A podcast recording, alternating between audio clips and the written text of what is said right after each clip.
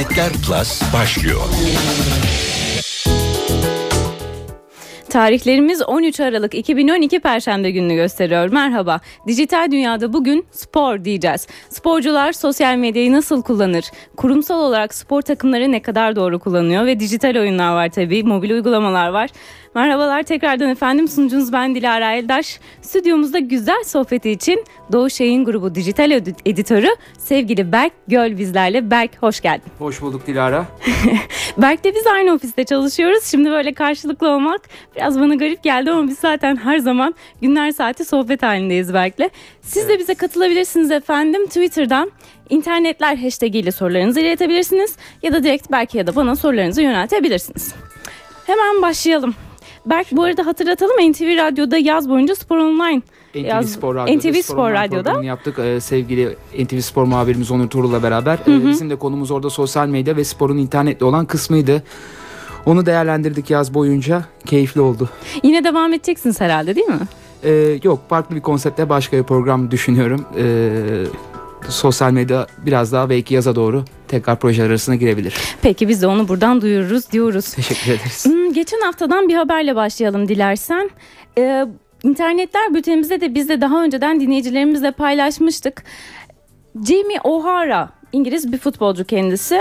Twitter'da öyle bir tweet attı ki sonradan çok fazla yorumlara, öfke evet. dalgasına sebep oldu.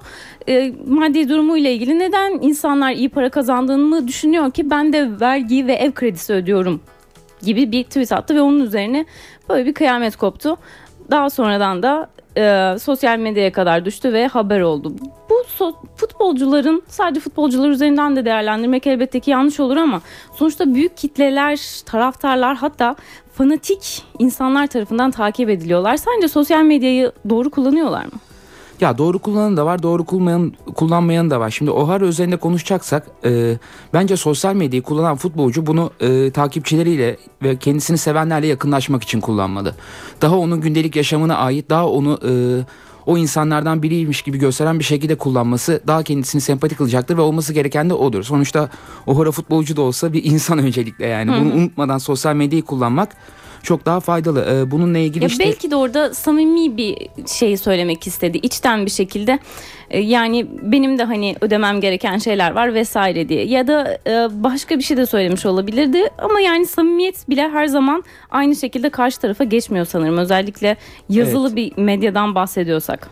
Kesinlikle çünkü her zaman zaten tartışma konusudur futbolcuların kazandıkları paralar. Hani ben bu tartışmaya girmeyeceğim çok ama Bu konular zaten çok tartışılan konular. Özellikle konu ekonomik olduğu zaman, para olduğu zaman çok fazla o toplara girmek doğru değil diye düşünüyorum ben. Yani o harada belki bunu samimi bir şekilde yazmış olsa da sonuçta ondan çok daha az para kazanan insanlar onu takip ediyor ve o insanlar da ev kredisi ödüyorlar, vergi ödüyorlar, fatura ödüyorlar vesaire. Yani o yüzden bu empati yaratması biraz zor olurmuş. Evet, mi? empati yaratması biraz zor olmuş. Olamamış hatta. Hatta evet hiç olmamış diyebiliriz. E ama bunun daha önceden başka vakalarını da gördük. E, aslında Türkiye'de belki de Alex üzerinden konuşacak olursak daha önce sen de bahsetmiştin. Onun Türkçe değil ama kendi dilinde Portekizce Evet Portekizce yazdığı bir tweetten zaten e, sosyal medya sporcu ilişkisini bizim e, Türkiye olarak gözümüze en çok sokan olay da Alex olayı oldu. Ondan önce de bir iki yerde konuşuluyordu. Bununla ilgili komik olaylar da yaşandı. Onları da değiniriz birazdan. Hı hı. E, ama Alex mevzusu bizim ya bir dakika bu oyuncular da Twitter kullanıyorlar. Her şeyi söyleyebilir mi söyleyemez mi tartışmalarına başladığımız nokta. Ne demişti Alex? Alex e, kendisine Portekizce bir Portekiz bir arkadaşının e, mention'ında cevap vererek neden oynayamıyorsun anlayamıyorum seni niye oynatmıyorlar diye kıskanıyorlar gibi bir ifade kullanmıştı. Zaten onlar da gayet samimi yani Alex'in arkadaşı değil Tabii mi? Alex'in kendi arkadaşı hani, ama bu Twitter e, SMS de kullanabilirler ya da başka bir şey de kullanabilirler. En azından WhatsApp da kullanabilirler. WhatsApp kullanabilirlerdi. ya da yani Tabii bütün bu olayların başlangıcı bu oldu. Ya tabii ki sırf buna bağlamak mümkün değil. Yani o olaylarda Alex Aykut arasında sorun oldu hep konuşuyordu. Hep Pardon bir dakika onu kaçırmayalım. Alex ne cevap vermişti orada? İşte Alex kıskandığını, antrenörün ha, tamam. kendisini kıskandığını. Çünkü onların gol sayıları arasında iki gol vardı Aykut Kocaman'la falan. Ya, tabii ki bundan mı kaynaklanıyor onu bilemeyiz. Bir şey söyleyemeyiz ama zaten sorun olduğu çok uzun zamandan beri konuşuluyordu. Aykut Kocaman Fenerbahçe teknik direktör olduğundan beri ama bütün esas o e, Alex'in ayrılık sürecinin çıkış noktası bu tweetten sonra oldu. Aynı tweet konuşması Fenerbahçe Başkanı Aziz Yıldırım'ın Alex'i eleştirirken odasına geldiği kısımda da elinde tweet şeklinde. Başı önünde cep telefonunu almış. elinde tweet şeklinde. Tabii e, biraz daha bu bir olay bu olay bir ön yargı yarattı. E, yani oyuncular bunu kullanmalı mı, doğru kullanıyor mu şekilde sorgulamamıza sebep olan olay Alex'in ayrılık sürecinde başladı. Koskoca heykeli dikilen birinin bile bir tweet yıkabiliyor diyebiliyor muyuz yani? Yani evet çok dikkat etmek lazım. Çünkü sesinizi bundan daha çabuk duyurabileceğiniz bir kanal yok. Yani sizin takipçiniz zaten Alex gibi bir futbolcuysanız çok fazla. Bir de buradaki retweet özelliğini de olaya kattığımız zaman hani milyonlara ulaşan bir durumdan bahsediyoruz. Gazete okumayan insan sayı, gazete okuyan insan sayısından muhtemelen çok daha fazla insana gidiyor ve bu anında haber siteleri tarafından kullanılıp e, Ve en etkili sonra- insanlara gidiyor sonuçta. Yani. Alex'i ben takip etmiyorum. Onunla ilgilen biri takip ediyor. Merak etmiş ki Portekizce ne dediğine bile bakıyor. Aynen öyle. Ve sen takip etmiyorum diyorsun. Bu olay muhtemelen olduktan e, yarım saat 45 dakika içinde olaydan haberdar olmuşsundur. Bu kadar çabuk yayılan bir kanaldan biraz daha dikkat etmek gerekiyor. Ya belki sonuçta biz de bir kurum temsil ediyoruz ve bizim de atmamız gereken tweetler oluyor. Bu herkes için geçerli. E, bence artık kulüplerin bu noktada bir sosyal medya eğitimi, bunu kullanacak oyuncular ufak çapta bir sosyal medya eğitiminden geçirilebilirler. O komik dediğim olay da mesela geçen sene Galatasaray'ın forma lansmanından önce çok merakla beklenen formalar işte zaten Fatih Terim gelmiş. Hani müthiş bir sinerjiyle sezon başlıyor Galatasaray. Herkes formaları merak ediyor. Ee, Sercan Yıldırım Galatasaraylı futbolcu Twitter'ından Hamit Altıntop'la çektiği fotoğrafı paylaştı. Formalı fotoğrafını. Evet formalı Aman. fotoğrafı lansmandan bir 15-20 dakika önceydi yanılmıyorsam ve dolayısıyla da bu formaları bizim erken görmemize yol açtı lansmandan erken. O da anında yayıldı. İşte Galatasaray'ın Koskoca lansmandan önce diye. Tabii. bir tane de tweet lansmanı. Tabii zaten 3 forma lansmanı yapıl 3 forma lanse ediliyordu. Bir tane Sercan üstüne bir tane de Bütün Hamit'in üstüne iki tanesini zaten biliyorduk biz lansmandan önce. Ya böyle şeyler de oluyor. O yüzden küçük bir eğitim belki bu bağlamda e, önemli olabilir kulüpler açısından. Peki bir de şey yazarız. Hani tweetlerim sadece beni bağlar deriz ama ona ne, ne kadar katılıyorsun? Mesela benim biyografimde hala durur pek orada yani onun bir geçerliliği yok sanki artık. Ya olaya o açıdan bakacaksak evet herkesin tweet'i kendine bağlar. Ee, bence de olması gereken o ama sonuçta böyle bir yapı yok. Ee, kurumsal şirketler içinde çok büyük camialar içindeyseniz dikkat etmeniz gerekiyor. Yani bu yazılı olmasa da gerçek kural bu maalesef ki ya da diyelim. Ya da biri de tutup şey demiyor herhalde. Alex'le arkadaşının arasında konuştuğu bir şeydir onlar. Kendi aralarında konuşmuşlar. Aynen, yani Biz de karışmayalım Zaten aslında herhalde. olay da ondan kaynaklı. Özel kalkınca dolayısıyla da artık sizin özeliniz olmuyor. Siz ne kadar o ifadeyi de kullansanız biyonuzda dikkat etmek durumunda kalıyorsunuz yani. Galatasaray forması da iyi örnekmiş. Var mı başka öyle gelen aklına? Şu an aklıma gelen yok Galatasaray forması ama gerçekten hani bir anda bütün lansmanı Kurumların bu şekilde eğitimi de bilmiyorum biraz tartışmalı da olabilir. Çünkü herkes kullanıcı bireysel olarak bakıyor olaya. Ya bireysel olarak ben orada kendim öz irademle yazıyorum diyor. Fakat sanki biraz da kurumlar bunu söylediği zaman işte elinde bir sopalı bir öğretmen varmış gibi bir şey, bir durum ortaya çıkıyor sanki. Ya eğitimin içeriğiyle alakalı olabilir. Yani siz sosyal medyayı nasıl kullanmanız gerektiği eğitiminden ziyade sosyal medya temalı bir eğitim verirseniz e, zaten o oyuncular o eğitim sonrasında kendi e, kendileri yazsalar bile yani bir yönlendirme olmadan onun özgür iradesini kullanabileceğiniz şekilde kullandırabileceğiniz şekilde bir eğitim verirseniz çok sıkıntı yaşanacağını ben düşünmüyorum. Peki bir de işin kurumsal tarafı var. Fenerbahçe, Galatasaray bütün spor kulüpleri için aynı şeyi söyleyebiliriz. Resmi olarak hepsinin en azından Süper Lig için konuşacak olursak hepsinin sosyal medyada temsiliyeti var mı? Hemen hemen var ve hatta bu alanda Galatasaray'la Fenerbahçe e, dünyanın en ileri gelen sayılarında takipçi sayılarına ulaşmış durumdalar. İyi de kullanılıyor. E, Galatasaray'la Fenerbahçe'nin Twitter hesapları ben kendi açımdan Ortalama ne kadarlar aklında mı sayılar? İşte Galatasaray'ınki 2 milyona yakındı yanılmıyorsam. Twitter hesabı E, mı belki 2 milyonda geçmiştir. Evet Twitter açısından konuşuyorum. Fenerbahçe'nin de 1 milyon 600 bin olması gerekiyor. Yani ciddi rakamlar. Hani gerçekten. Twitter kullanıcısını da düşünürsek Türkiye profilinde evet öyle ama onun dışında yani tabii Facebook'ta daha etkinler aslında. Facebook sonuçta Türkiye'de daha genel ve yaygın kullanılıyor. Evet yani ama oradaki rakamlar e, tabii biraz daha fazla olsa da esas etkileşim bence ben gene Twitter'dan olduğunu düşünüyorum yani. Bir de işin şey kısmı var. Hmm, En çok konuşulanlar listesinde e, hemen ner- neredeyse her gün biz görüyoruz. Ya Galatasaray ya Fenerbahçe. Evet ya taraftarların birbiriyle Hiçbir şey bulamazsak konuşma, konuşacak hiçbir şey bulamazsak sanki bu var değil mi? Evet yani bir maç anında özellikle bir derbi falan oynanıyorsa o maddenin onu da o e, trend topic dediğimiz 10 maddenin onu da futbolla maçla ilgili oluyor. Burada işte göndermeler oluyor falan. Tabii ben onun bir dikkat çekme şekli olduğunu düşünüyorum. Dolayısıyla dikkat çekilecekse burada hani rakibe gönderme yapmak yerine bence bütün taraftarların sesini çıkarabileceği konular var. Bunlara yönelmek bence daha doğru olacaktır farkındalık yaratmak için. Bir de bu artık her gün her gün göndermeye döndü olay.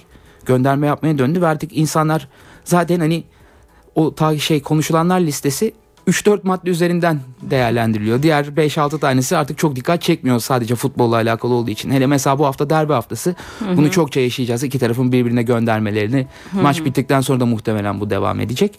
Ama bence burada bir farkındalık yaratmaksa konu biraz daha bence organize hareket etmesi gerekiyor taraftarların. Mesela ilk akla gelen konu bugün de işte yasağın devam edeceği konuşuldu. Deplasman yasağı bu bütün taraftarları mağdur eden bir şey. Hı hı.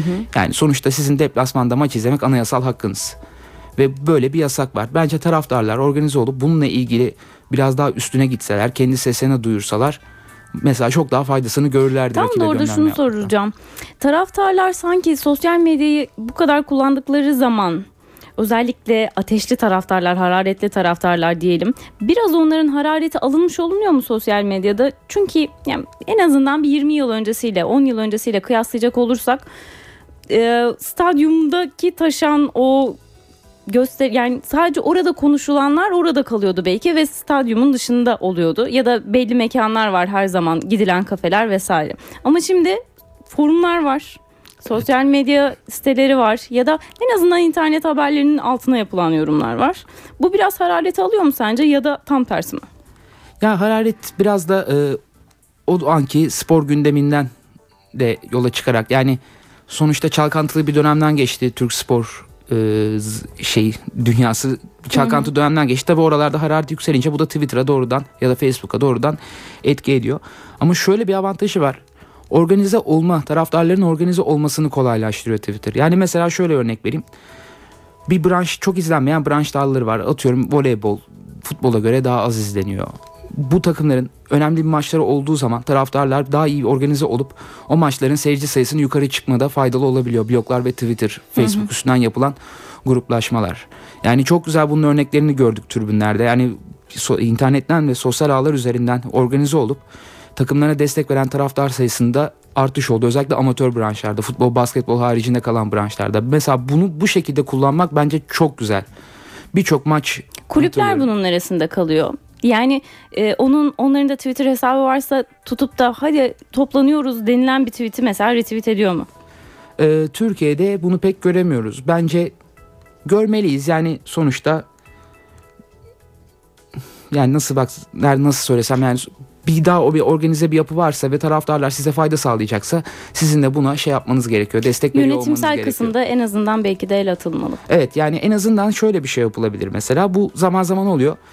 Sonuçta yöneticiler de artık kendi Twitter hesapları var. Futbol yönetenler, spor yönetenlerin de kendi Twitter hesapları var. Onlar biraz daha bu konuya eğilebilirler. Yani bir organizasyon varsa o taraftarın tweet'i retweet edilebilir bir organizasyon çağrısı varsa ama tabii bunun iyi araştırıp irdelenmesi gerekiyor. Gerçekten organizasyon yapısının sağlamlığına bakılması gerekiyor. Çünkü altından bambaşka şeyler de çıkabilir. Kalabalıklar da biliyorsun provokasyon amaçlı falan ama bir maç varsa ve buna bir davetkar bir e, sosyal mesaj görülüyor, görüyorsak internette buna biraz daha destek verilmeli diye düşünüyorum ben. Hı hı. En azından internette örgütlenme deyince aklıma bugünkü haber geldi. Bir tane tek taraftar neredeydi o? NTV MSNBC'de de ee, çıkmıştı evet, haber. Evet NTV MSNBC'de Emin Kahveci'nin yaptığı haberde e, şeydeydi İngiltere'de ya pardon İtalya'da Udinese taraftarı Sampdoria maçına tek başına gidiyor ve hani ilk başta tepki görüyor deplasman tribünde ama daha sonra tek başına olduğu tribünde bir kişi fotoğrafını da çekmişler. Aynen. Sonuçta tek başına olduğu anlaşılınca herkes ona çok büyük bir sempati besliyor bir anda ve rakip taraf, Sampdoria taraftarları onu kahve içmeye falan davet ediyorlar maç sonunda. Oyuncular da galibiyeti ona şey yapıyor, armağan ediyor. Böyle de güzel bir durum oldu. Mesela belki de Twitter'ı biraz daha örgütlense Twitter'da tek başına kalmaz ama bu kadar sempatik bir durumda olmazdı. ya da fotoğrafını çekip koysa siz neredesiniz Aynen, ben siz, buradayım diye. Evet mesela o şekilde kullanmak çok daha mantıklı olabilirdi yani. Örgütlenmek bir sonraki deplasman maçına çok daha olumlu sirayet edebilirdi o durum. Peki yine takımlardan devam edecek olursak büyükleri konuşacak olursak örneğin. E, tarafsız olmanı biraz rica edeceğim. Çünkü Berk koyu bir Galatasaraylı. Bunu buradan söylemenin pek bir yani zararı yok. Evet ben hiçbir yok. ortamda saklamadım zaten Galatasaraylı olduğumu. Ee, tarafsız olacağım. Em, Sence en iyi site hangisinin? En iyisi hangisi kullanıyor sosyal medyayı? Ben bunu zaten işim olarak kullanıyorum siteleri ve burada tarafsız olmak durumundayım. Mesela bir idman raporu benim çok işime yarıyor haber olarak. Dolayısıyla bunu Galatasaray, Beşiktaş ve Fenerbahçe çok üst düzey şekilde yazıyorlar idman raporlarını ve siz o idmana ait aradığınız her bilgiyi basına kapalı olsa bile bulabiliyorsunuz. Bu çok güzel bir şey mesela. Ama ben bunu Trabzonspor'da Basına göremiyorum. kapalı olsa bile nasıl bulabiliyoruz?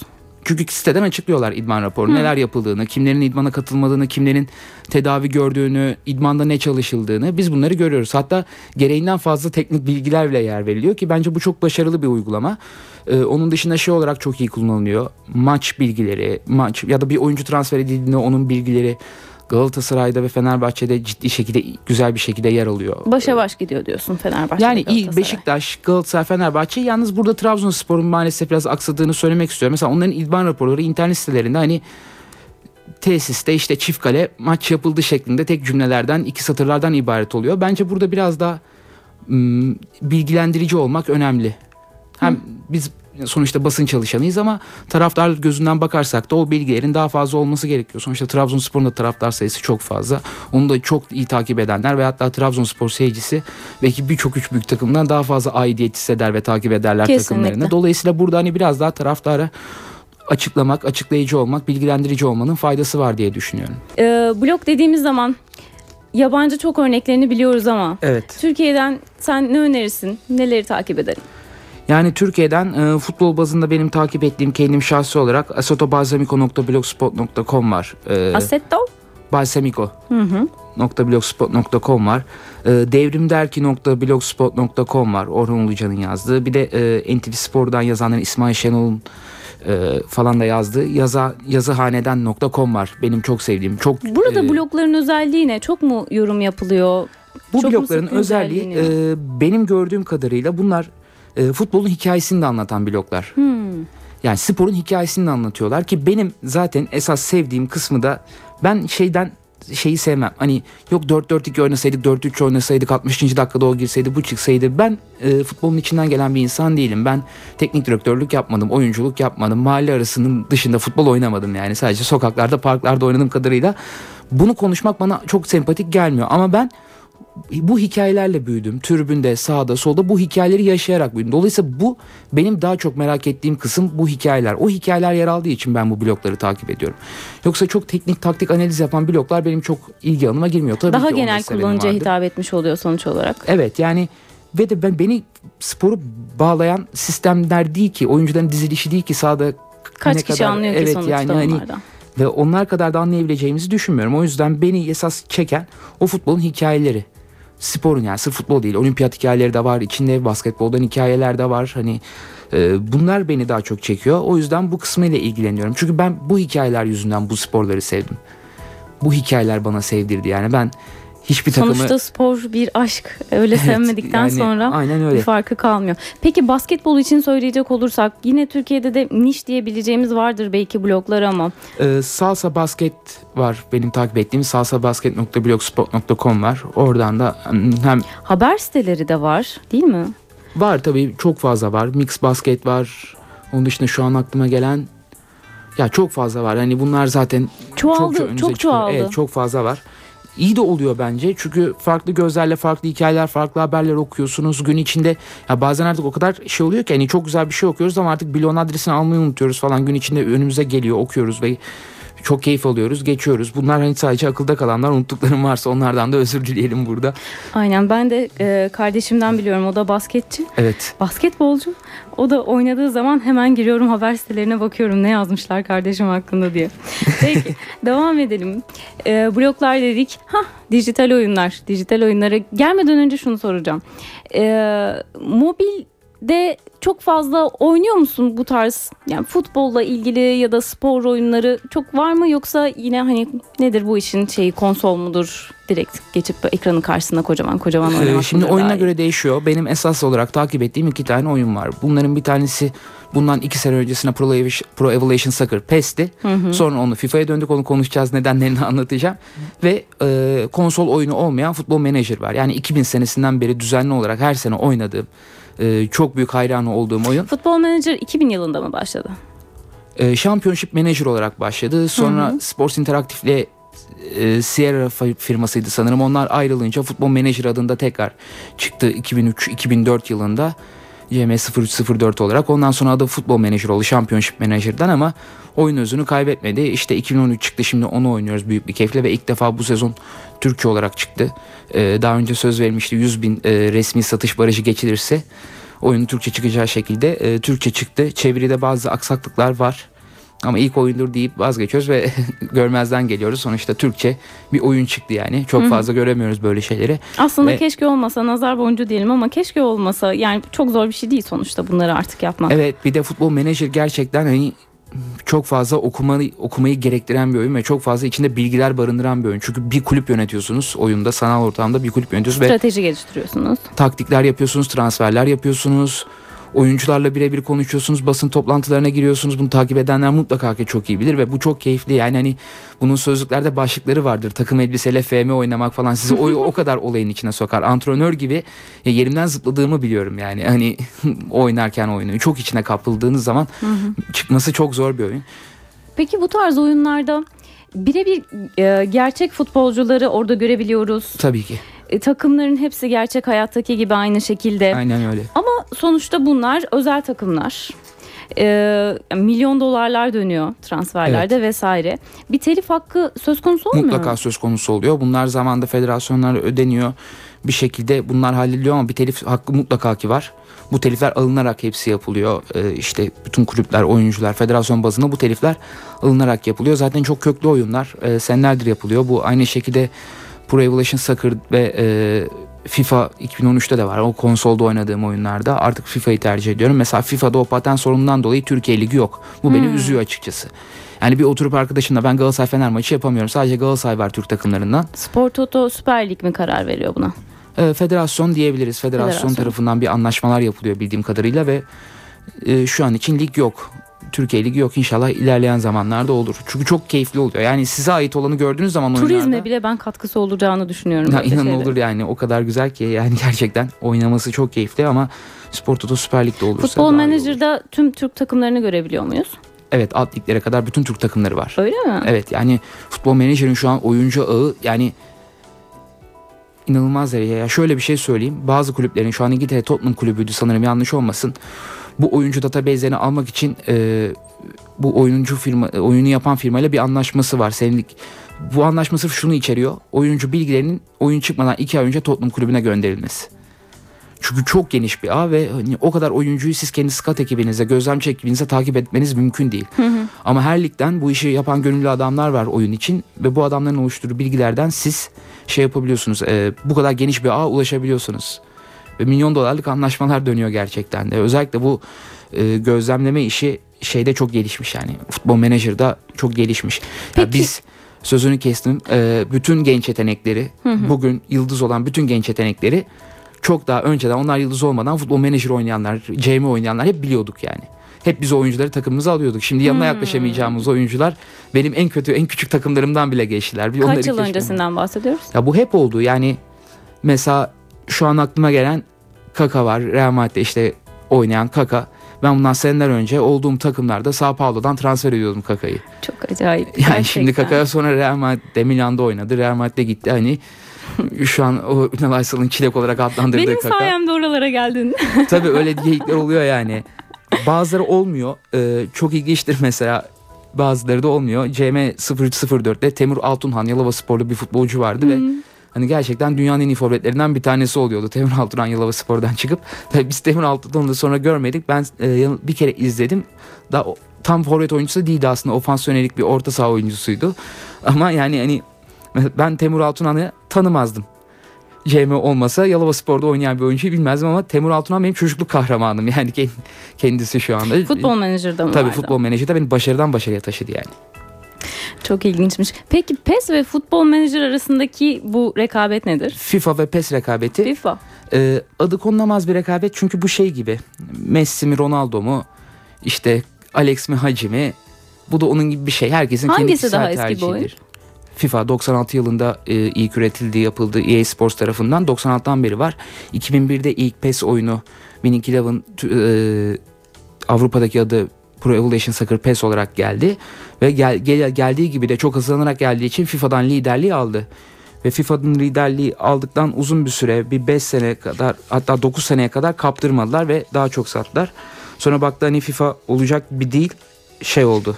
Ee, yani bir 2011 yılında bir atılım gerçekleştirdi. Ben de biraz ön yargı vardı bu konuda 2011 yılında mesela gene FIFA oynamadım. PES'e devam ettim ama 2012 yılında Hmm.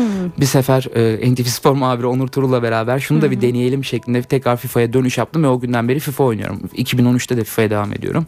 Bir atak yaptı öne geçti benim gözümde. FIFA daha iyi. Şimdilik benim için FIFA daha iyi. Peki biraz da mobil konuşalım o zaman. Mobil uygulamalara bakacak olursak düşünüyorum ben zaten hani e, işin daha ya bunu erkekler daha çok seviyor. Bu bir Evet. gerçek. Ben öyle şeyler fazla indirmiyorum. En fazla indirdiğim spor bir ara bir tenis vardı. Çok ona kafayı takmıştım sürekli tenis oynuyordum. Zeka sporu diyebilirsek o da bir spor sayılırsa Sud- sudoku çok severim ama Yani. senin var mı telefonda? Sen bir Android kullanıcısısın. Ben bir Android kullanıcısıyım. Ee, bağnaz bir Android kullanıcısıyım biliyorsun. Ee, Evet hayatta hayatta iOS diye bir şey düşünmüyor belki. Düşünmüyorum kesinlikle düşünmüyorum. Ee, ben daha çok oyun bazında değil de e, bilgi toplama bazında kullanıyorum. Mesela Samsung telefonlar için BBC'nin widgetleri var. BBC Sport widget'ın ve çok çabuk güncellenen sitedeki haberleri aktaran bir e, widget ana sayfanızda duruyor ve ben onu çok seviyorum, çok kullanıyorum. E, Flipboard tabii o biraz Amerikan sporları severler için çünkü çok Avrupa sporları orada yer almıyor. E, onun dışında önereceğim UEFA'nın kendi aplikasyonu var. E, resmi aplikasyonu. Şampiyonlar Ligi maçlarını UEFA Kupası maç, UEFA Avrupa Ligi oldu onun adı. O maçları takip Program öncesinde. UEFA.com'a göz gezdirdim. Gerçekten tasarımı dahil her şeyi çok profesyonel, çok güzel duruyor hakikaten. Hakikaten keşke bizde Mesela- de öyle siteler çoğalsa. Evet yani benim o konuda düşündüğüm şu yani marka değerinden bahsediyoruz. Mesela Türkiye Ligi'nin liglerinin marka değerinden bahsediyoruz. Spor Toto Süper Lig'in ama yani bunun bir sitesi bile yok. Hani aplikasyonu falan geçtim yani kendine ait bir sitesi yapılsa Süperlig.com var mı mesela? sportotosuperlig.com e, şimdilik resmi bir site yok. E, ama olsa ve ya en azından iyi tasarlanmış bir site yok. Benim ben bugüne kadar görmedim. Yani bir tane site buldum sporto, e, sportotosuperlig.org diye ama hani şeyini bile anlayamadım. Yasal mı değil mi onu bile çözemedim. Güncellenmemiş bilgiler duruyor. Puan tablosu bile güncellenmemiş ama mesela İngiltere Premier Lig'in sitesine ve aplikasyonlarına bakıyorsunuz. Mükemmel. Mesela fantezi futbol internette en çok tercih edilen oyunlardan bir tanesidir. Fantezi futboldaki temel amaç oyuncuların o hafta realde oynadıkları yani gerçekte oynadıkları maçlar üstünden puan alan sizin de kadro oluşturup en çok puanı almaya çalıştığınız bir bütçe dahilinde oyunlardır. Mesela Premier Fantezi çok iyi. Hani Premier Lig aplikasyonu geçtim. Premier Fantezi Premier Lig aplikasyonu var. Yani direkt onu cep telefonunuzdan idare edebildiğiniz, oyunu idare edebildiğiniz aplikasyonlar var. Biz fantezi futbolu mesela çeşitli mesela NTV Spor'un vardı. Çeşitli sitelerim vardı. Oralarda oynuyoruz ama kendimize ait bir Spor Toto Süper Lig'in bir sitesi ve dolayısıyla aplikasyonları yok. Bence bu olmalı. Öncelikle marka değerini yükselteceksek sosyal Son medyayı ve dakika interneti. haberler de olmalı orada. Kesinlikle son dakika röportajlar, oylamalar yapsak, en iyi golü seçsek, ay ay yani yılın ilk 11'ini taraftarlar Bir de o belirlese, var değil mi? En iyi golü belirlese. seçmek yani interaktif bir şekilde taraftar ve işte karşı taraf arasında bir interaktivite de olmalı belki de. Kesinlikle öyle. İşte daha geçenlerde oynadık işte UEFA'nın altın 11'i için 11 tane oyuncu oyladık. Onun dışında UEFA.com'da. Fenerbahçe'den Stok'la Musa Sov'un gollerinin yer aldığı e, FIFA Puşkaş yılın golü, golü ödülü için oylamalara girdik. Hani bunlar çok keyifli şeyler. Biz bunları yapmıyoruz. Hani sadece yayıncı kuruluşun sitesinden belki izleyebiliyoruz bunları ama Spor Toto Süper Lig markası altında. Çünkü marka değerini yükselteceğimiz şey bu. Spor Toto Süper Lig. Dolayısıyla bu marka değerini yükselteceksek bunun önce markalaşması gerekiyor. Dolayısıyla da bunu sosyal medya ve internet üstünden başlamak buna yani çok zor olaylar olduğunu düşünmüyorum. Federasyon bünyesinde bunların yapılabileceğini, halledilebileceğini düşünüyorum. Hakeza milli takım. Keza yani milli, A milli takımımız. ya onların haberlerini hani gene federasyonun sitesinden alabiliyoruz ama ben lig Sosyal bazında medyada m, Facebook'ta örneğin beğenebileceğimiz bir sayfaları var mıdır? tabii federasyonun Twitter sayfası var. Federasyonun. Aynı şekilde basketbolda da var. Ee, mesela basketbolda bu biraz daha iyi. Beko Basketbol Ligi'nin sayfası var. Dolayısıyla da oradan bilgilere kadın basketbol ligi, erkek basketbol ligine ulaşabiliyorsunuz. Ama benim mesela Premier Lig bunu çok iyi yapıyor. Onları çünkü direkt hani sadece tek lig Premier Lig olarak yani İngiltere'de 20 takımdan oluşan en üst seviyedeki ligin sayfası. Burada işte müthiş tasarlanmış. Senle de baktık zaten. İşte fantezi futbollar, etkileşimler, bunun e, Twitter olarak kullanılması, orada oylamalar, interaktif videolar, röportajlar yani müthiş yönetiliyor. Dolayısıyla zaten en çok şu an marka değeri yükseklikte ekonomik olarak da e, marka değeri olarak da Premier Lig. Tabii ki şu an Premier Lig seviyesine çıkmak çok zor. Yani onların bütçeleri inanılmaz seviyelere ulaştı yayın, yayın tarafından. Elbette elbette ama yani bunu taraftara verirseniz bu fırsatı o Kesinlikle zaten onu öyle. Yükseltecektir. Evet, bu Açacağınız bir orantılı. Facebook sayfası gerçekten resmi olduğunu görebileceğimiz ve güzel görsellerin olduğu bir Facebook sayfası. Ondan sonra zaten beğeniler, like'lar gelecektir ve oradaki Aynen öyle. haberler dönecektir bir şekilde. Bir de Türkiye'de yani bunlar çok haber içeriğiyle yapılıyor. Yani haber sitesi gibi yapılıyor. Bu böyle olmamalı bence. Daha interaktif olmalı. Çünkü zaten bir sürü haber sitesi var. Siz o haberi federasyon sitesinden okumuşsunuz ya da girip NTV Spor.net'ten okumuşsunuz. Çok bir şey fark etmiyor. Sonuçta o haberi almış oluyorsunuz ama daha interaktif. Sonuçta bu lisans lisans hakkı bu ligin federasyonda. Ve onun daha çok bizden malzemesi var bunu kullanabileceği. Peki sence yakın gelecekte karar alma mekanizmalarında taraftarın rolü artacak mı bu şekilde? Twitter'da bir hashtag başlatılıyor. Evet. Mesela Alex gitmesin diye. Ya ben sana açık söyleyeyim kesinlikle artacak. Şöyle ki bazen kulüpler şimdi bunu burada olay olay değerlendirmek istemiyorum. Yakın zamanda da oldu bu. Ee, bir bildiri yayınlıyorlar ve o bildiri daha sonrasında işte sözlükler var. Taraftar sözlükleri var. Ek sözlük gibi. Ee, Twitter var. Buradan gelen tepkilere göre o açıklamanın içeriği değişebiliyor. Ya da açıklama olmayan bir konu hakkında bilgilendirme istenildiği zaman ve çok yoğun bir etkileşim gerçekleştirilirse o konuyla ilgilen, ilgili bir bilgilendirilme yapılıyor. Mesela ben hani Galatasaray'dan örnek vereyim. Mesela çok fazla taraftarın önemli maçlar öncesi video talebi oluyordu ve mesela Galatasaray Org buna kayıtsız kalmadı ve Galatasaray Org'un ba- önemli maçlardan önce sitesine girip mesela Şampiyonlar Ligi 6 sene aradan sonra Şampiyonlar Ligi müziği duymak çok da güzel bir müziktir. Ee, çok önemli bir insanın tüylerini diken diken eden bir We müziktir yani. Champions müziği mi? Değil. Şampiyonlar Ligi UEFA'nın özel bir Başka. e, müziği başka. Dinletirim ben sana o pistonunu. Tamam. Ee, ve bu müziği duymak Şampiyonlar Ligi'nde oynadığınızın en büyük şeyidir. Yani Ruh veriyor orada. bu kesinlikle veriyor ve mesela resmi site Galatasaray maçlarının olduğu gün bu marşla açılıyor. Hmm, Bunlar daha fazla olacaktır. Yani yönetim bazında taraftarın etkisi büyüyecektir. Belki de transferlerde de etkileri olacaktır. Ya oluyor inan oluyor yani bazen çok e, karşı olunan transferlerde falan mutlaka ki taraftarın tepkisini ölçmek açısından olduğunu düşünüyorum. Ya öyle olduğunu düşündüğüm çok hikaye var ama şu an kesin bir o konu sonuçta veri olmadığı için tam olarak da bunları net ifade edemiyorum ama ben çok fazla olduğunu düşünüyorum. Bekleyeceğiz, göreceğiz Evet, diyelim. Galatasaray'ın geçen sene kaleci transferinde mesela çok yaşandığını düşünüyorum. Bu baskın. Peki efendim.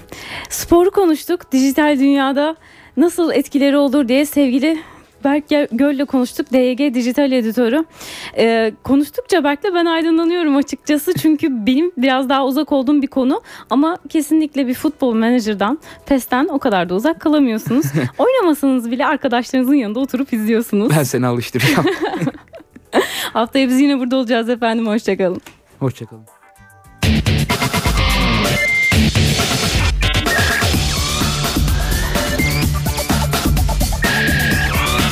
İnternette Plus sona erdi.